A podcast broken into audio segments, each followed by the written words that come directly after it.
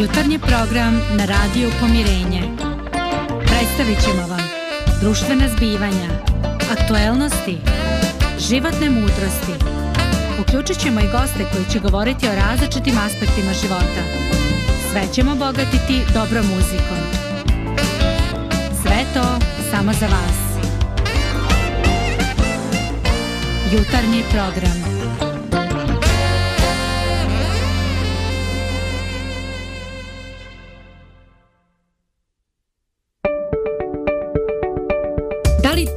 Sreću. Pokreni svoj život i sve vrijednosti društva na opačke. I tada ćeš pronaći sreću. Program na opačke.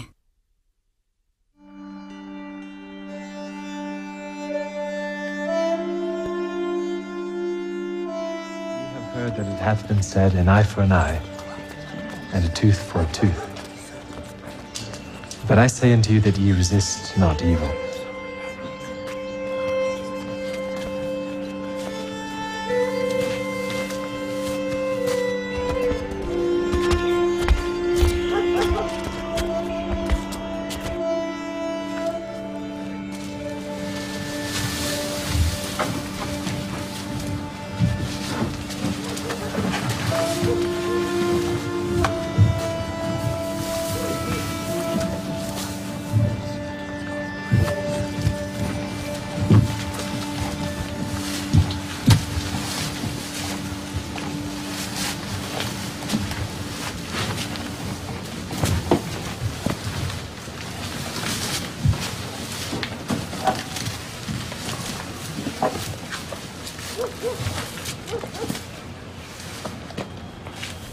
Son, thy sins be forgiven thee.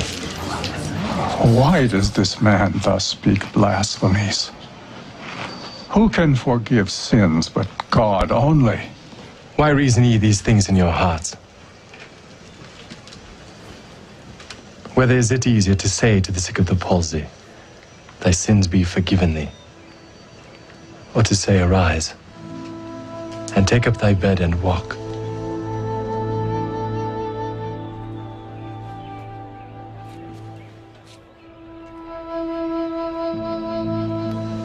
That ye may know that the Son of Man hath power on earth to forgive sins.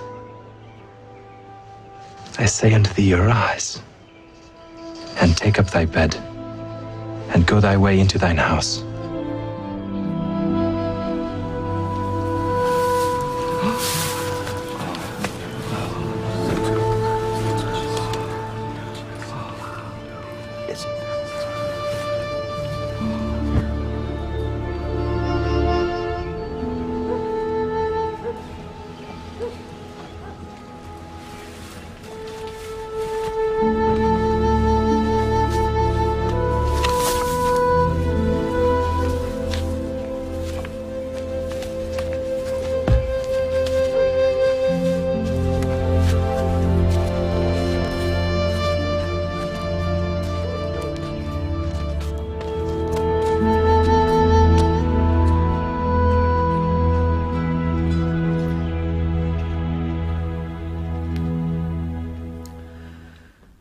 Dan, dragi prijatelji, svi gledalci i slušalci našeg programa Radija Pomirenje. Kao što ste vidjeli, danas ćemo imati jednu zanimljivu temu i ne tako laku temu. Tema dolazi iz Novog Zavjeta, iz jednog događaja koji je zapisan u Evanđelju po Luki, o jednom paralizovanom čovjeku koga su njegovi prijatelji odnijeli Isusu da ga izliječi pokušat ćemo da taj događaj prenesemo nekako u naše vrijeme danas i da iz njega izvučemo neke pouke za naš život. Možda da krenemo s tim samo da, da krenemo od ovog paralizovanog čovjeka. Zamislite kako izgledao njegov život. Uh, cijeli svoj život proveo na pola metra uskom odru. Neko je morao da ga hrani, da ga kupa, da ga nosi. Nikakva medicinska pomoć nije postojala, nisu bile operacije, nije bilo rehabilitacije, nije bilo invalidskih kolica u to vrijeme. I jedino zanimanje kojim je mogao da se bavi bilo je da bude prosjak. Ponekad sanja u tim njegovim snovima on ima zdravo tijelo, trči, ima porodicu, igra se sa svojom djecom, a onda se budi i shvata da se njegovi snovi nikad neće ostvariti, gleda u svoj odar, gleda u svoje tijelo, nema novaca, nema posao, nema porodicu, nema budućnost, ali ovaj čovjek je imao nešto što mnogi od nas nemaju. Imao je prijatelje. I to kakve prijatelje? Prijatelje koji su bili spremni da urade sve za svog paralizovanog prijatelja. Pa hajde danas malo da porazgovaramo o tome, tema o kojoj se često ne priča. Koja je bila vjerovatnoća da ovaj paralizovani čovjek ima prijatelje? Zdrave prijatelje. Koliko prijatelja današnji invalidi imaju? Koje su prepreke između invalida i nas zdravih ljudi da bi nastalo prijateljstvo? Ja sam juče pokušao da pozovem dva svoja prijatelja iz udruženja paraplegičara i niko od njih nije imao hrabrosti danas da se uključi u našu emisiju. Ali evo pitanje za vas. Šta vi mislite o tome? Nataša, tvoj otac je bio invalid. Da li se ti sjećaš možda tog perioda kad si živjela sa tvojim tatom koji je bio invalid? Da li, kakve predasude su ljudi imali prema njemu? Da li njemu bilo lako da ostvari prijateljstvo s drugim ljudima? Pa sad si me ovako zatekao s tim pitanjem. prosto ga nisam očekivala, ali e, ja mislim da je pitanje, a, pitanje a, stava prema sebi, znači svaki invalid može da ima jedan neki pozitivan stav, a naravno da društvo nameće ovaj određene stigme i, i ti osjećaš da si drugačiji i niko ne voli da je drugačiji. Ali recimo ja kod to kod svog oca nisam primećivala, niti sam ja imala taj neki osjećaj da smo mi sad drugačiji zato što je moj tata drugačiji. Znači, naravno, bilo je tu i prepreka i svega, ali ja mislim opet, znači, ako su ljudi otvoreni i samo nije im lako, znači nije im lako, definitivno njim, život im je ovaj, puno teže, puno im je teže, znači im postoje prepreke za ostvarivanje prijateljstva, fizičke prepreke, ali opet ja mislim da pitanje je stava kako se ti nosiš sa tim svojim preprekama. Da, u današnjem vremenu, ono, zadnji par decenija, ovo, zadnji možda dvije decenije, sve više uh, to nametnuto u društvu da, da ljudi, s, uh, pogotovo kad si mlađi, da si um, da se više povlačiš onako da, da komuniciraš bez obzira što si zdrav, fizički zdrav, ali, ali slabije komuniciramo jedni sa drugima i ono pomoću nekih društvenih mreža ili slično. I sad ne možemo reći da samo uh, invalidi mogu, eto, imaju neku pomoć tu preko društvenih mreža da komuniciraju sa drugim ljudima, nego jednostavno uh, to, to je neka vrsta uh, koliko pomažu društvene mreže toliko nas i nekako zarobljavaju kao na neku udicu da nas uhvati. Ali um, kontaktiram sa, sa raznim svojim prijateljima koji su invalidi i vidim da, da i oni imaju uh, problem kao i zdrave osobe. Znači i oni sve više govore o toj uh, uh, usamljenosti. Znači ne oni fini trenuci samoće, nego usamljenost ljudi. Ovaj, I usudila sam se neke da pitam je li to taj direktan problem njihov, pa kažu da, osjećam to kože to sve više u svom životu. E sad to što si ti rekla, Nataša, to biti drugačiji, bez obzira da li smo fizički invalidi ili kako god da štrčimo nekako u društvu, to je, to je nekako ljudski problem. Biti drugačiji. E, baš to, evo, ja, sam, ja se sjećam kad je jedna meni, ovaj, prijateljica, ona je ovaj, paraplegiča, rekla a, kako je nekad neprijatno da izađe na ulicu. Ja sam rekla, pa zašto? Pa niko tebe ne gleda, pa to je sve okej, okay. mi, mi ne posmatramo tebe na taj način. A onda sam pomisla, pa čekaj malo, ako ja imam a, neku odjeću na sebi koja se meni ne sviđa, u kojoj se ne osjećam a, dobro, ja neću izaći na ulicu, ja se osjećam loše. A koliko je to neuporedivo teže. U stvari, sjećam se, jednom sam u Beogradu, a bila u tramvaju i sredila se, obukla neku ovaj, odjeću i sve sam bila u brown. I kako sam žurila, ja sam zgrabila greškom teget torbu. I uopšte nisam shvatila da sam uzela teget torbu i stojim ja u tramvaju i gledam i pogledam sebe i už, u užasu, znači primetim kako imam teget torbu u ruci I ja shvatam svoju grešku i mene je u momentu bilo toliko sramota da je meni došlo da bacim onu torbu, ali mi je bila dragocena pa nisam. Tako da, ove, znači svi mi u stvari, ako nismo prema nekim određenim standardima koje postavimo sebi, a, svi mi smo u stvari strogi prema sebi i osjećamo se neprihvaćeni. Mm. Zdravko, imaš ti prijatelje ili poznanike invalide? Da, imao sam u životu, neki nisu, nažalost, među živima. Ovaj, pa ne znam, mnoga prijateljstva u nekoj standardnoj kombinaciji se dešavaju tako da se ljudi nađu na zajedničkim aktivnostima. A ovaj, problem koji vi spominjete upravo to, između nekoga koji spada na zovu kategoriju zdravih ljudi i ljudi koji imaju problem, hendikep, e, pojavljuje se problem što ovaj drugi ne može biti pozvan na mnoge aktivnosti koje su dostupne ljudima koji su fizički zdravi.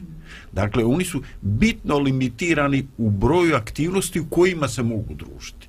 Ili njihovo društvo, kad ih povede, mora prilagoditi neki svoj ritam i neki svoj scenariju nekome koje je tu, koji ima određene ograničenje. Čak, e, recimo, obična priča o planinarenju, kaže, ritam grupe se nameće prema sposobnosti i ritmu onoga koji je najslabiji.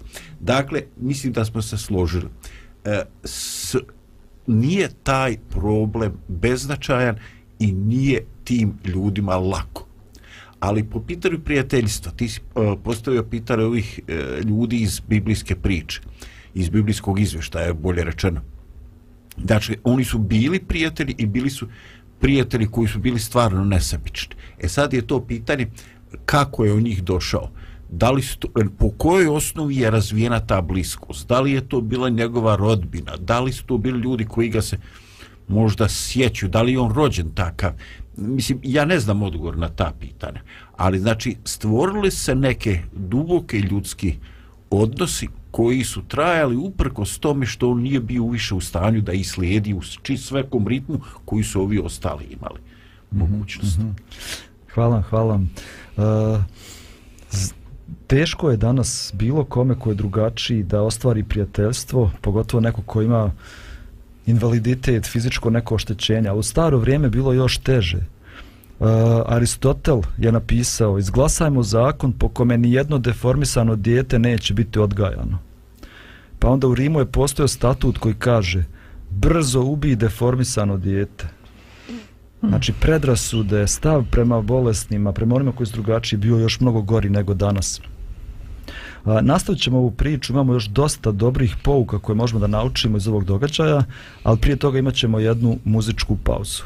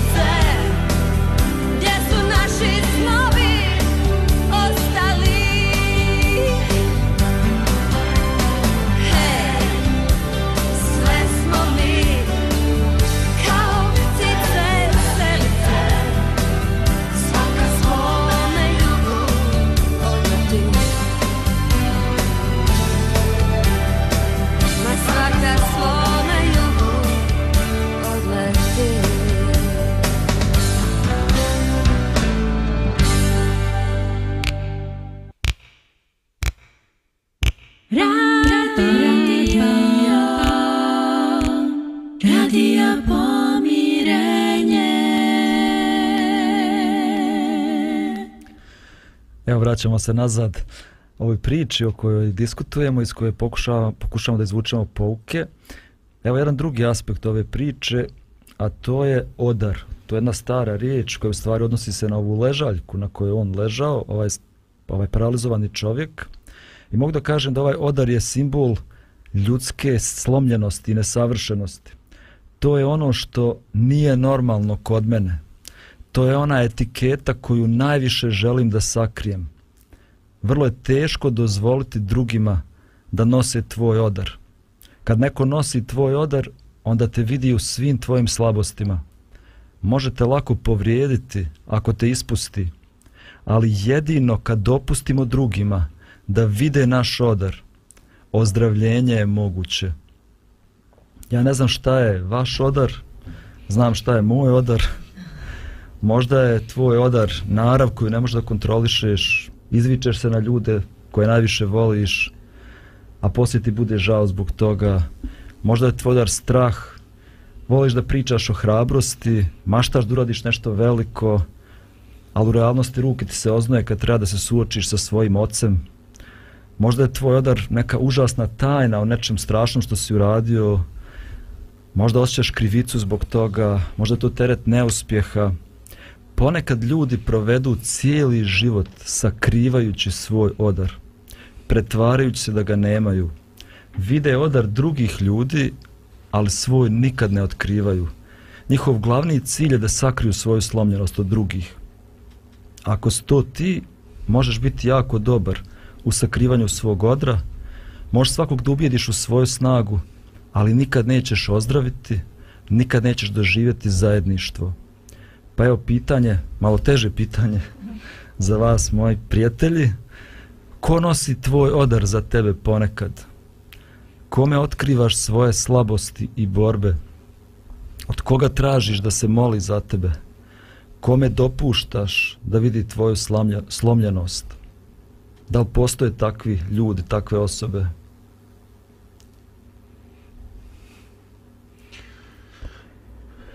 Kod mene postoje, evo ja ću započeti, tišina je ono. da, da, da, to je duboko pitanje. Ovaj, uh, I to kad ljudi razmišljaju o tome, baš ono, koga stvarno ti imaš da, da ti može tako nešto učiniti, što si rekao, sve bi učinili ovi prijatelji ovog čovjeka, e takvi, takvi prijatelji. Ovaj, ja mogu takve prijatelje nabrojati na prste jedne ruke, ovaj, kome se ja mogu povjeriti ono baš baš da se otvorim da da da donose moj odar da vide moju slomljenost svu. I to al trebale su me godine trebalo mi je baš vrijeme da ja prihvatim sebe kao slomljenu i onda da mogu pokazati drugim ok, to sam ja. E sad ko će me od vas prihvatiti? Sad i to je bolno ali i to je proces znači isto zahtjeva vrijeme ali i kroz to sam prošla i još uvijek prolazim znači to dok se živ prolaziš. Ali dok, dok ne prihvatiš sebe kao, kao slomljenog znači i onda mogu pred tim prijateljima isto da kažem uključujući moju rođenu sestru i još par oni koji nisu moja rodbina i baš baš zahvalna sam stvarno duboko na takvom blagoslovu u svom životu. Hvala Dragana. Ostali ostali, evo mi se zgledamo ko će skupiti hrabrost. Pa rekao bih nešto, ovaj, e, slušajući Draganu, ovako, o, o, ostalo mi je e, akcenat u mom umu. Jako sam se složio sa onim, treba biti zahvalna za ljude koje ti Bog pošalje u život, a kojima na neki način možeš biti slobodan da pokažeš svoj odar, da pokažeš svoju ranjivost.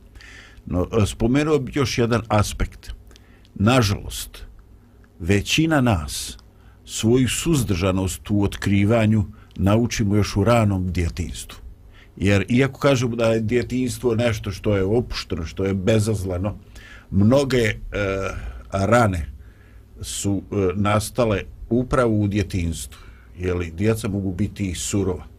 I svaka naša e, mana, svaki nedostatak, E, neodgovarajući broj cipela, e, nešto na odjeći što je demode, svašta nešto u čemu što je bila naša neka realnost a što na neki što nismo mogli da utičemo na to ovaj a doživjeli smo da budemo ismijani odbačeni.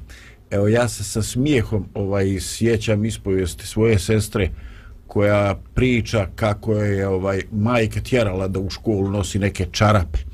Jer ovaj bože moj ona je žensko mora da sačuva to reproduktivno zdravlje. I onda je ona nosila neke tanke čarape u torbi onda čim ode od kuće 100 metara ona se presvuče ide s onim normalnim u školu jer bilo je traumatično nemoguće da ona s tim debilim čarapama ode u školu.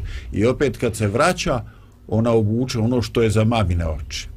Dakle eh, E, to su neke e, ne znam, predrasuda, neki oprez, neko iskustvo ranjivosti koji u ranim godinama našeg života već mi pokupimo kao iskustvo i što nas prečava da jednostavno stičemo duboka prijateljstva i da imamo oslonac i da pokažemo da smo ranjivi.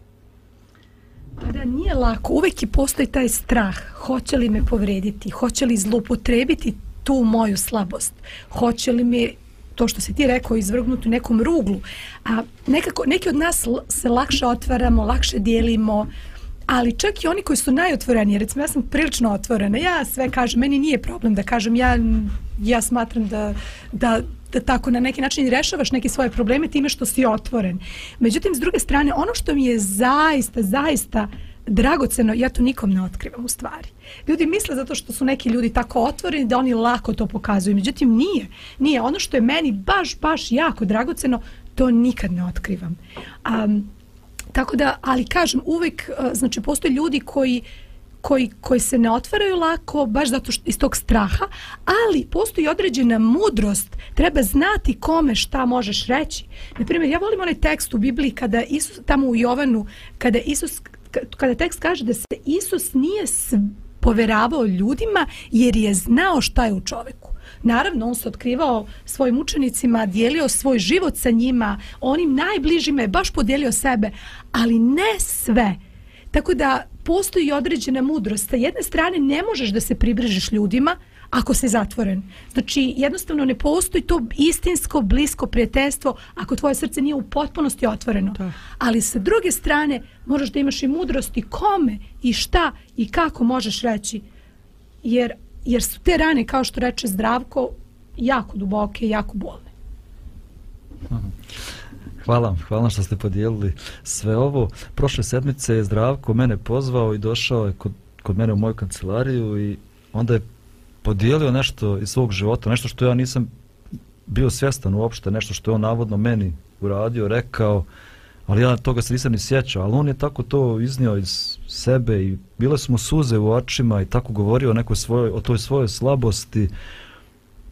Pa ja mogu da vam kažem da sam odmah istog momenta osjetio se povezan sa zdravkom, zato što je on tom svojom ranjivosti me privukao i dopustio da ja budem ranjiv Ja imam također jednu grupu ljudi sa kojima se sastajem svakog ponedeljka na večer, sad smo prebacili sa četvrtka na ponedeljak. To su ljudi koji se bore sa različitim zavisnostima i mi smo tu potpuno iskreni i otvoreni i svaki put kad se sastanemo pričamo o svojim životima, o borbama, o padovima i molimo se Bogu jedni za druge. Ja stvarno, ja te ljude nisam nikad sreo. Mi smo samo se online se srećemo ponedeljkom na večer, ali ja se osjećam da sam s njima bliži nego sa bilo kim drugim. Zato što smo jednostavno otvoreni i što dijelimo svoje živote jedni s drugima i nosimo odar jedni drugih. Ako neko želi još nešto da doda ili da pređemo na jednu muzičku tačku. Može Lidija muzika, pa ćemo da nastavimo. Ljubav s neba sišla je da od smrti spasi me. Tebi ja zauvijek pripadam. Gdje god život vodi me duša moja tražite. Tebi ja gospode pripadam. Ljubav s neba sišla je da od smrti spasi me, tebi ja zauvijek pripadam. Gdje god život vodi me, duša moja tražite, tebi ja, gospode, pripadam. Ljubav s neba sišla je,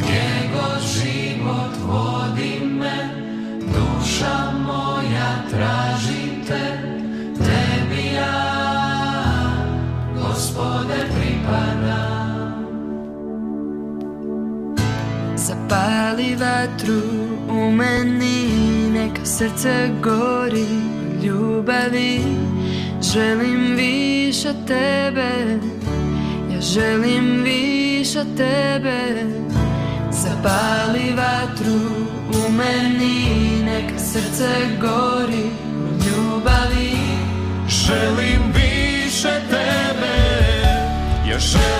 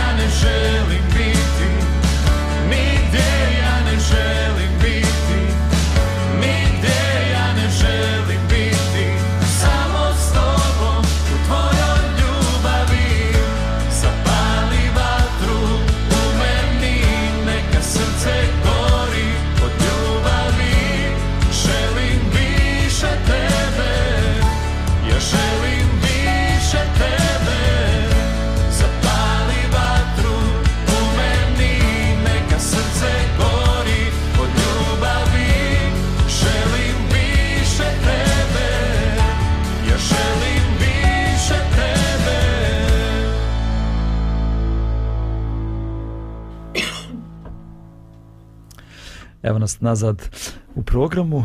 Prije nego što se vratimo na našu priču o kojoj pričamo danas, želimo da u ovom segmentu spomenemo neke dobre vijesti. Dobre vijesti ovog dana dolaze iz Banja Luke. Danas želimo da pričamo o jednoj maloj organizaciji, jednoj šivaonici u kojoj rade žene invalidi i nezaposlene žene, a one se bave redizajnom stare odjeće. Dakle, od stare odjeće, od starog džinsa, one prave nove proizvode, redizajnirane proizvode, torbe, cekere i razne druge proizvode, tako da želim da vas pozovem da posjetite Facebook stranicu Dive Redesign, tako se zove ta organizacija, Dive Redesign, da pogledate sve proizvode koje one proizvode i da i pomognete njihov rad tako što da kupite neki od tih proizvoda. Ja ne bih rekla da je to pomoć za njih, zato što su ti, to je pomoć za vas, zato što su ti a, ruksazi, te torbe, to je, to je nešto preslatko. Ja sam oduševljena. Kada sam skoro otišla da pogledam, ove, ja sam stvarno rekla, wow, ovo je baš fantastično. Tako da preporučujem, mnogo su dobre i mnogo kreativne. Hvala Nataša, znači još jednom Facebook stranica Dive Redesign, a također Instagram stranica Dive Redesign. A, dobro, vraćamo se ovoj našoj priči koja je stara 2000 godina, ali vidimo da je jako aktuelna i za nas danas. I u toj priči vidimo jednog paralizovanog čovjeka, vidimo četiri njegova prijatelja. Jednog dana ovi prijatelji su čuli da u njihov grad je došao Isus. I naravno, oni žele da odu da ga čuju. Ali ne možemo da ostavimo svog prijatelja. Pa i on mora stići tamo. Možda će ga to ohrabriti a možda i sve te priče koje se pričaju o Isusu su istinite, možda on može da izleči, izliječi našeg prijatelja. I tako oni odlučuju da ponesu svog prijatelja, da bi to uradili, da bi njega odveli, stvari će biti malo komplikovanije za njih, ali takvi su prijatelji, tako rade prijatelji. Nose ga na tom njegovom odru, dolazi do kuće gdje Isus uči, ali tamo razočaranje. Kuća prepuna, ne mogu da uđu u kuću, šta sad da rade? Je sad sve bilo uzalud? Jedan od njih smišlja plan B. A šta mislite? Da ga popnemo na krov, da napravimo rupu u krovu i da ga spustimo kroz krov. Wow. Sad, da, da ne mislite da ovo bio neki vandalski čin, kuće u to vrijeme su bile vrlo jednostavne. Postojale su stepenice koje su vodile na krov, a krov se pravio od grana, drveća i blata tako da lako se taj krov mogao popraviti, ali svejedno, oni nose tog svog prijatelja na krov, prave rupu, dole Isus govori, on je poznati govornik, ljudi ga slušaju, odjednom počinje prašina da pada od ozgo, buka neka se čuje i četiri para ruku spuštaju svog prijatelja do Isusa.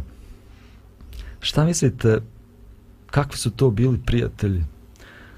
Pravo, prijate, pravo prijateljstvo se gradi krovolomcima. Da li ste u svom životu imali prijatelje koji su bili krovolomci za vas? Ili da li ste vi nekada bili krovolomci za vaše prijatelje? Pa kako se ti to sad opisao, ja sam prosto imam želju da budem takvog jednog, deo takvog jednog tima, ljudi koji nešto rade korisno, nešto ko pomaže, neko, ovaj, nečega što, ili ne, ne, nekakve akcije koje pomaže ljudima. Ja mislim da je mnogim od nas um, stalo i prosto smo oduševljeni prilikom da uradimo tako nešto za nekoga. Ponekad ljudi su spremni da urade, a, oduševljeni, ali samim tim što se ljudi sakrivaju ili sakrivaju svoje potrebe ili im je neprijatno da to podele, a, ni ne mogu da nađu ljude koji će rušiti krovove za njih. Ja mislim da je to sve povezano. Nekako kada znaš da postoji potreba, da. sve u tebi kaže hajmo, idemo da uradimo nešto. I nekako, a, ja inače imam taj neki zaštitnički stav. Ja čim vidim neku potrebu, ja odmah skačem. I, I mnogo mi je zapravo lakše da ja budem ta koja nekome nešto dajem, nego da primam. Znači, mnogo mi je teže da da primim tu pomoć, a, ali to je ipak dvosmerna ulica. Uh. pa ljudi, uh, vjerujem da su najveći krovolomci, je tako može da se to nazva? Da, da, da. Da su najčešće to naši roditelji i da mm. uh, mnogi situacije u koje mi primamo takve usluge su prošle, da smo i bili djelimično ili da i nismo bili u potpunosti svjesni. Dakle, jednostavno u tom odnosu uh, porodica ponekad prolazi kroz razne situacije i često se roditelj trudi da djeca ne budu s tim opterećeni, da ne nose taj probleme, da ne nose taj krst. E, ja ne znam je li to ispravno, ali znam da dolazi iz toga nagona zaštitničkog roditeljskog, da djeca ne bi preživjela neke traume i tako. Ponekad mislim da je bolje da sve znaju, ali opet, ko sam ja da bi o tome odlučivao? E, ovo mi je ostavilo utisak ova izjava Natašina ovaj, nije joj problem. E, ima dovoljno aktivizma u sebi pronalazi. Kad vidi neku nasušnu potrebu tu je da odgovori. Ali ovaj vjeruj Nataša pravo iskušenje i pravi rast ličnosti je da dozvoliš da neko sagleda tvoju ranjivost ovaj i da jednostavno uh, uradiš taj korak rizika i da budeš spreman e, i nek put da primiš pomoć e, bez da te srami, bez da to na neki način ugrožava tvoj ego, da te sramoti. Jer svaka pružanje pomoć podrazumijeva neku superiorni pokroviteljski odnos. Ali ovaj ponekad je potrebno da bi se ljudi otvorili i pokazali svoju slabost da ovaj da je i pokažemo i sami slabost. Eto, da završim, skoro sam pročitao jedan primjer gdje dijeta pita majku. Kaže, mama, shvatili smo da naše siromašne komšije ponekad dođu i pozajme nešto, šoljicu, kafe, ovaj, šećera i tako. A evo, danas e, ti si pitala da nemaju malo soli. I oni su rekli da imaju i donijeli su ti u malom filđanu za kafu i tako čekaj, zašto se tražila kad mi to imamo? Pa kaže, zato sam tražila. Što? Pa znala sam da to imaju, a njima je tako potrebno da i oni budu u situaciji da nekad nešto učine. Dakle, da ne budu samo jadnici kojima stalno nešto treba. Dakle, ta veličanstvena velika žena je našla načina da e, fiktivno stvori situaciju u kojoj će se i ta druga strana osjećati dobro da i ona može nešto. I da kažem, svaki onaj situa svaka ona situacija u kojoj mi kažemo, evo, drago mi što ti mogu pomoći, ali nemoj ti ništa. Ne činiš dobru stvar. Pusti tu osobu koja je trenutno prolazi kroz lošu fazu svog života. A ako osjeti poriv da nešto se revanšira, pusti je da to uradi jer joj to treba. Pa makar da ispod jabuke pokupi nekih jabuka koje su spale i da poneseš kad kreneš primi to. Dobro. E, dobro, evo imamo još 20 minuta, pa imamo još jedan segment koji hoćemo da obradimo. Danas malo smo tu temu već i načeli o maskama. Zašto mi nosimo maske, šta se desi kad skinemo maske, ali evo prije toga čućemo još jednu muzičku numeru, pa ćemo onda nastaviti, završiti ovu našu priču.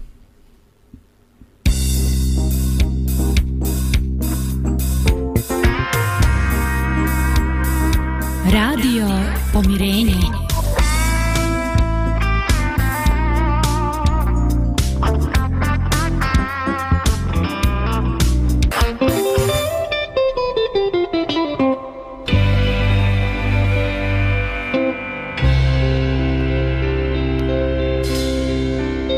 Obuci staru krinolinu i prebaci bijeli šal Ja ću svirat violinu i bit će masken bal Zaigraj kao da more šumi A ti si jedan val Sama veliku tajnu glumi. Takav je masken bal Nemo da skrivaš lice malo. Pusti ga neka sja Nikome nije do nas. Tamo sami smo samo ti i ja. Život je masken bal Svako se krije sebe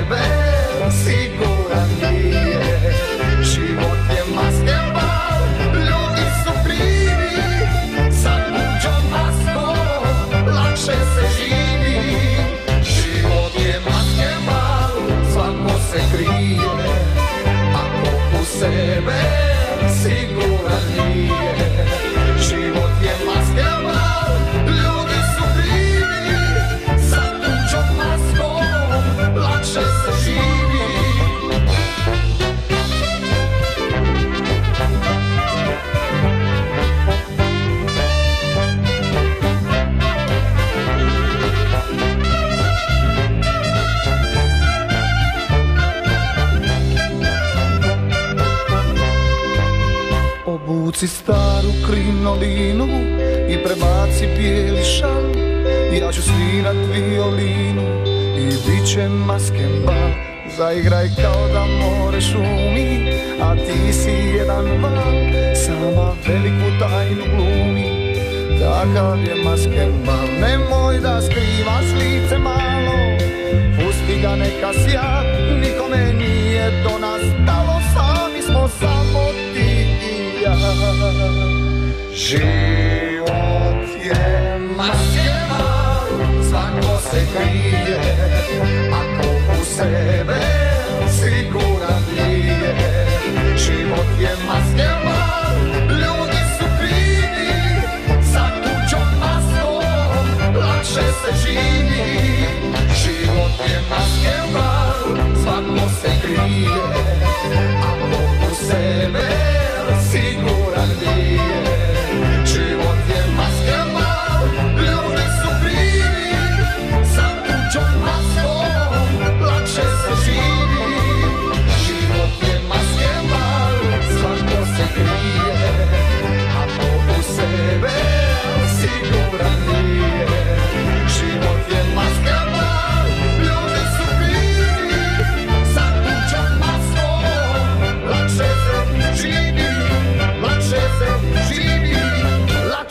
Lakše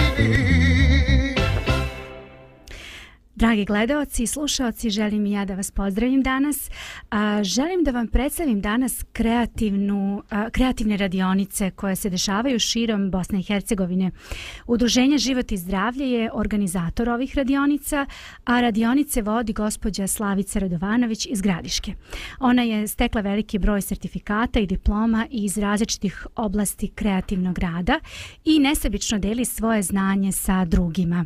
Slavica ima i svoju liniju zdrave kozmetike koju pravi i prodaje, a možete zapratiti njenu, njenu Facebook stranicu Gloria Hobby Art za više informacija.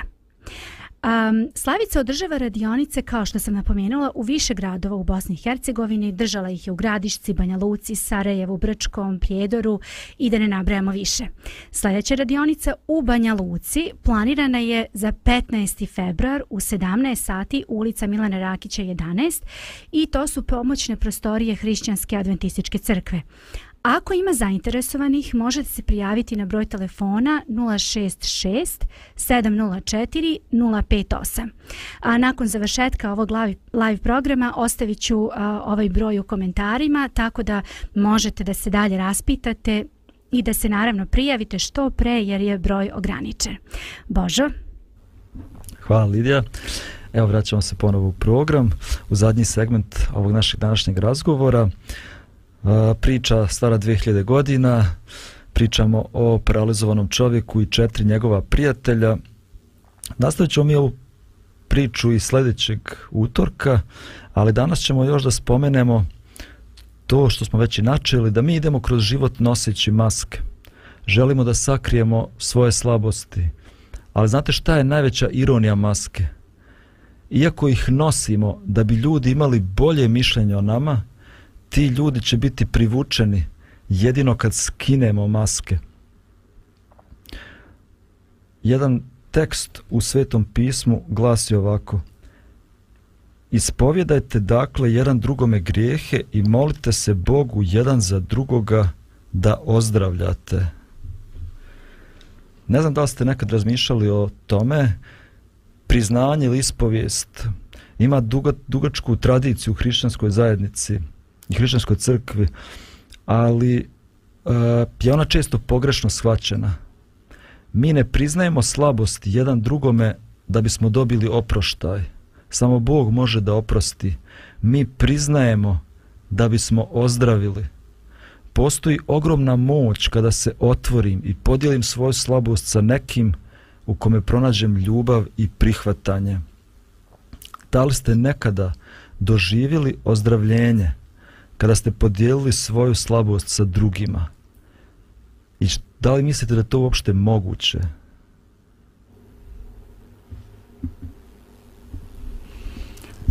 Pa ne znam, uh, ja kad dijelim neki problem i kad kažem čovjeku, ovaj, ja to upravo radim da bi popravio odnose.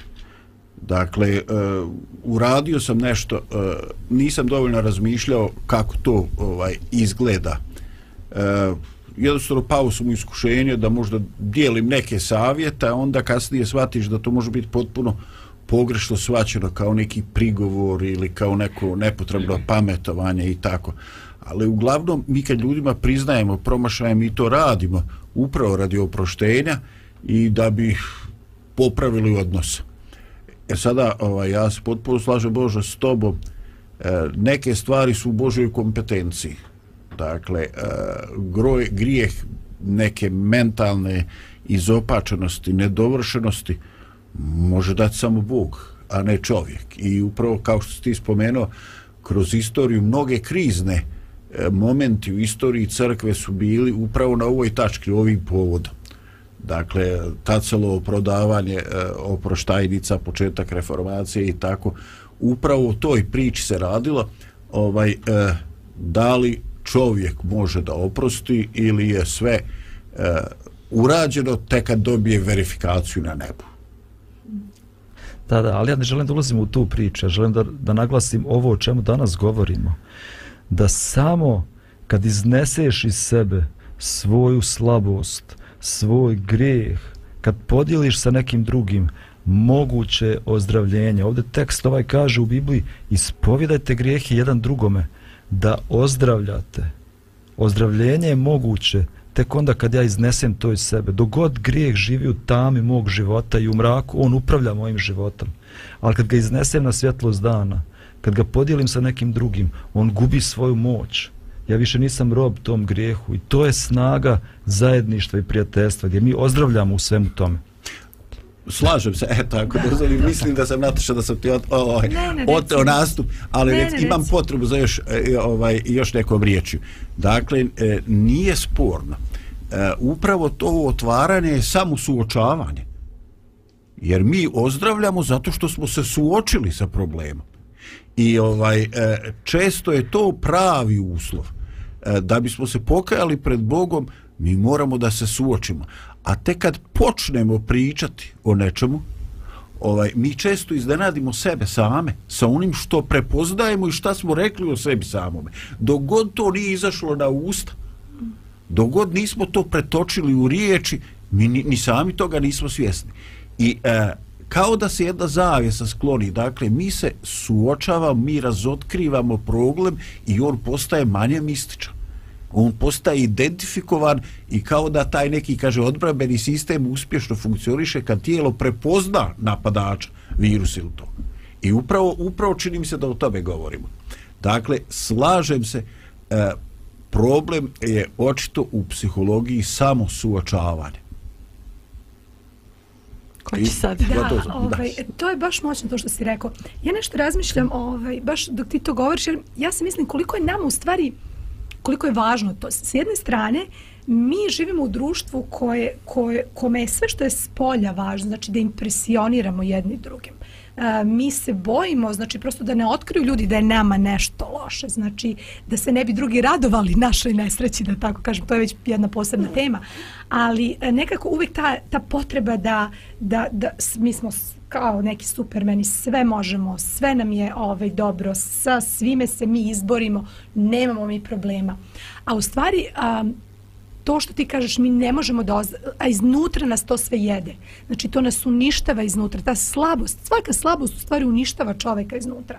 I kada je podeliš sa nekim, sa jedne strane upravo to što se ti zdravko rekao, znači ti ozdravljaš, a, ti, ti si automatski suočen sa time i prosto si prosto ti to da neku snagu, a sa druge strane u onoj drugoj osobi stvaraš potrebu da ti bude na pomoć. Svi imamo potrebu da budemo heroji u tuđoj priči. Da. Jeste, ti prosto otvaraš prostor. prostora da ona druga osoba bude heroj, da bude tvoj heroj, da bude ovaj, tvoja pomoć. I po meni to je dvostruka korist sa jedne strane ti ozdravljaš, ti se liječiš, e, daješ drugoj prost, osoba prostor da se osjeća dobro zbog onoga i to vas nekako duhovno učvršćuje. Zato što kad ja imam problem pa podelim se tobom, onda a, ti i ja a, se molimo Bogu za taj problem i kažem, ok Bože, a, koliko god da ja želim potrebna mi je pomoć od ozgo za mnoge moje slabosti. Jednostavno, daj mi, promeni moje srce, potreban mi je sveti duh koji me menja iznutra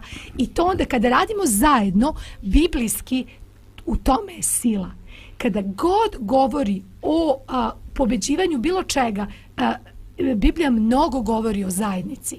Isus kaže kada su dvoje i troje zajedno, ako se složu oko bilo čega i kada se obrate meni, ja sam tu sa njima i što god zaištu, ja ću im dati. Znači, taj, taj, ta komponente zajednice u pobeđivanju svih slabosti je mnogo važna, a tako malo upotrebljena u stvari.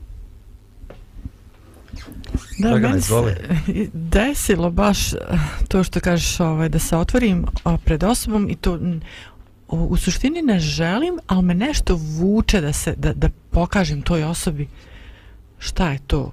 I, ovaj, i, i to je trajalo jedno vrijeme i onda mi je došlo do ovdje, idem sad. Ono, razgovarali smo, ne znam šta, ovaj, i ja sam nešto ispojila to i ja, ja sam jednostavno ono, pred, ta osoba prvo a, a, voli da pričaju o svojim slabostima, ali i o tuđim. Pa ovaj, e, sad ne znam koliko će ona zadržati to, a sad dobro, manje više. Ali ovaj, odlučila sam da, da iznesem tu neku svoju jednu, znači tu slabost koju, koju sam slušala od nje da, da ja to ne volim, ja to ne volim i to sam više puta i baš to ja osjećam stalno pritisak neki vuče me reč, što reci, reci to, reci to. Zašto? Kad nema logike. Nije logično. I to je super onda ispala ta nelogičnost. Ja sam to njoj rekla i ona onako gleda u mene i na, ja čekam kao, da će me zagrliti. i ništa, ovaj, nastali smo razgovarati još o nekim tamo nekim lijevim stvarima. I posle par mjeseci opet mi pričamo i sjeti se ona toga ovaj, joj kaže kad si ti to meni pričala ono baš mi je nešto bilo i onda ona kaže to svoje te, te, ta pozitivna osjećanja. Gledam onako kaže, kaže ja to nikud nisam ni rekla. Ovaj, mada kaže to nije nešto veliko ali kaže ja to neću kaže do smrti nikom ni inače reći ako ti ne želiš ja ako gledam reko zamisli od ovakve osobe da, da čujem te riječi ja sam u tim momentima kad sam njoj rekla to osjećala kao da sam kao da me neko izvadio neki gigantski kancer iz mene znači Da. to se desilo još par puta tako kad sam tako postupila sa ljudima Hvala ti, hvala ti Dragana. A, Na kraju želim da, da vam ispričam još jednu priču s kojom ćemo završiti ovaj naš program. Pročitao sam je u knjizi psihologa Henry Clouda. On priča o jednoj grupi pacijenata koju on vodio. To su bili ljudi koji su se borili sa različitim zavisnostima. Jedan od članova grupe bio je sveštenik koji se zvao David, a njegov odar ili njegova slabost je bila seksualna zavisnost. Borio se s pornografijom godinama, kajao se, molio, ali nije bio u stanju da pobjedi. Kad je osjećanje krivice bilo tako veliko i kad nije više vidio izlaz, potražio je pomoć u bolnici. Odlaženje na sastanke grupe bio dio terapije. Jednog jutra David se nije pojavio na sastanku grupe. Henry otišao da razgovara s njim i otkrio je da je David prethodne noći pao. Ipak, nekako ga je nagovorio da dođe na sastanak. Za vrijeme prethodnih sastanaka David je uglavnom slušao ono što su drugi pričali. Nimao problem da nosi odar drugih ljudi, ali nije previše želio da otkrije svoj odar. Ovog puta Henry je tražio da David priča. Polako, bolno, David je počeo da dopušta drugima da vide njegova osjećanja stida i krivice. Pričao im je o godinama borbe sa krivicom i stidom. Propovjedao u crkvi, a u isto vrijeme bio u užasnom strahu da li ga je neko vidio tamo gdje je bio prethodne noći. Osjećao se kao najveći licemjer. I, pa i pored svog bola kojemu je ta zavisnost donosila, nije bio u stanju da je pobjedi. Davidu su riječi jedva izlazile kroz usta. Kad je završio priču, pogledao ju pod. Nije imao hrabrosti da gleda nikoga u lice. Pogledaj u grupu, kazao mu je Henry. Ne mogu, sramota me je. Pogledaj u grupu. Ja želim da pogledaš u oči ljudima koji te slušaju. Moraš to da uradiš. I u strahu, ovaj slomljeni čovjek je polako podigao svoju glavu. Pogledao je okolo u krug i vidio da je svako oko bilo ispunjeno suzama, svako srce se osjećalo sa njegovim. nikoga nije kritikovao, niko osuđivao. I po prvi put u životu David nije bio sam u svojoj slomljenosti, koja ga je paralisala i držala zarobljenim tako dugo. Konačno, nekoliko ljudi su vidjeli njegovu slabost, a ipak odlučili da budu njegovu, pri, njegovi prijatelji. I u tom trenutku, on koji je druge godinama učio o Božjoj ljubavi, je prvi put iskusio i ona ga je slomila. Plakao je kao dijete. Henry piše da je Davidova zavisnost tog dana bila slomljena. Još puno toga je trebalo uraditi, dug put prevaliti, mnoge, mnoga priznanja učiniti, mnoge navike steći, ali surova moć zavisnosti bila je slomljena tog dana. Takva je snaga zajedništva odra. I dragi naši slušalci, gledalci, mi vas danas pozivamo da iskusite snagu zajedništva odra, da skinete masku, da budete ono što jeste, da se ne stidite, da pokažete drugim ljudima svoju slabost, a tada ćete ozdraviti, tada ćete steći prave istinske prijatelje. Vidimo se sutra ujutro u 11 sati. Lijep pozdrav!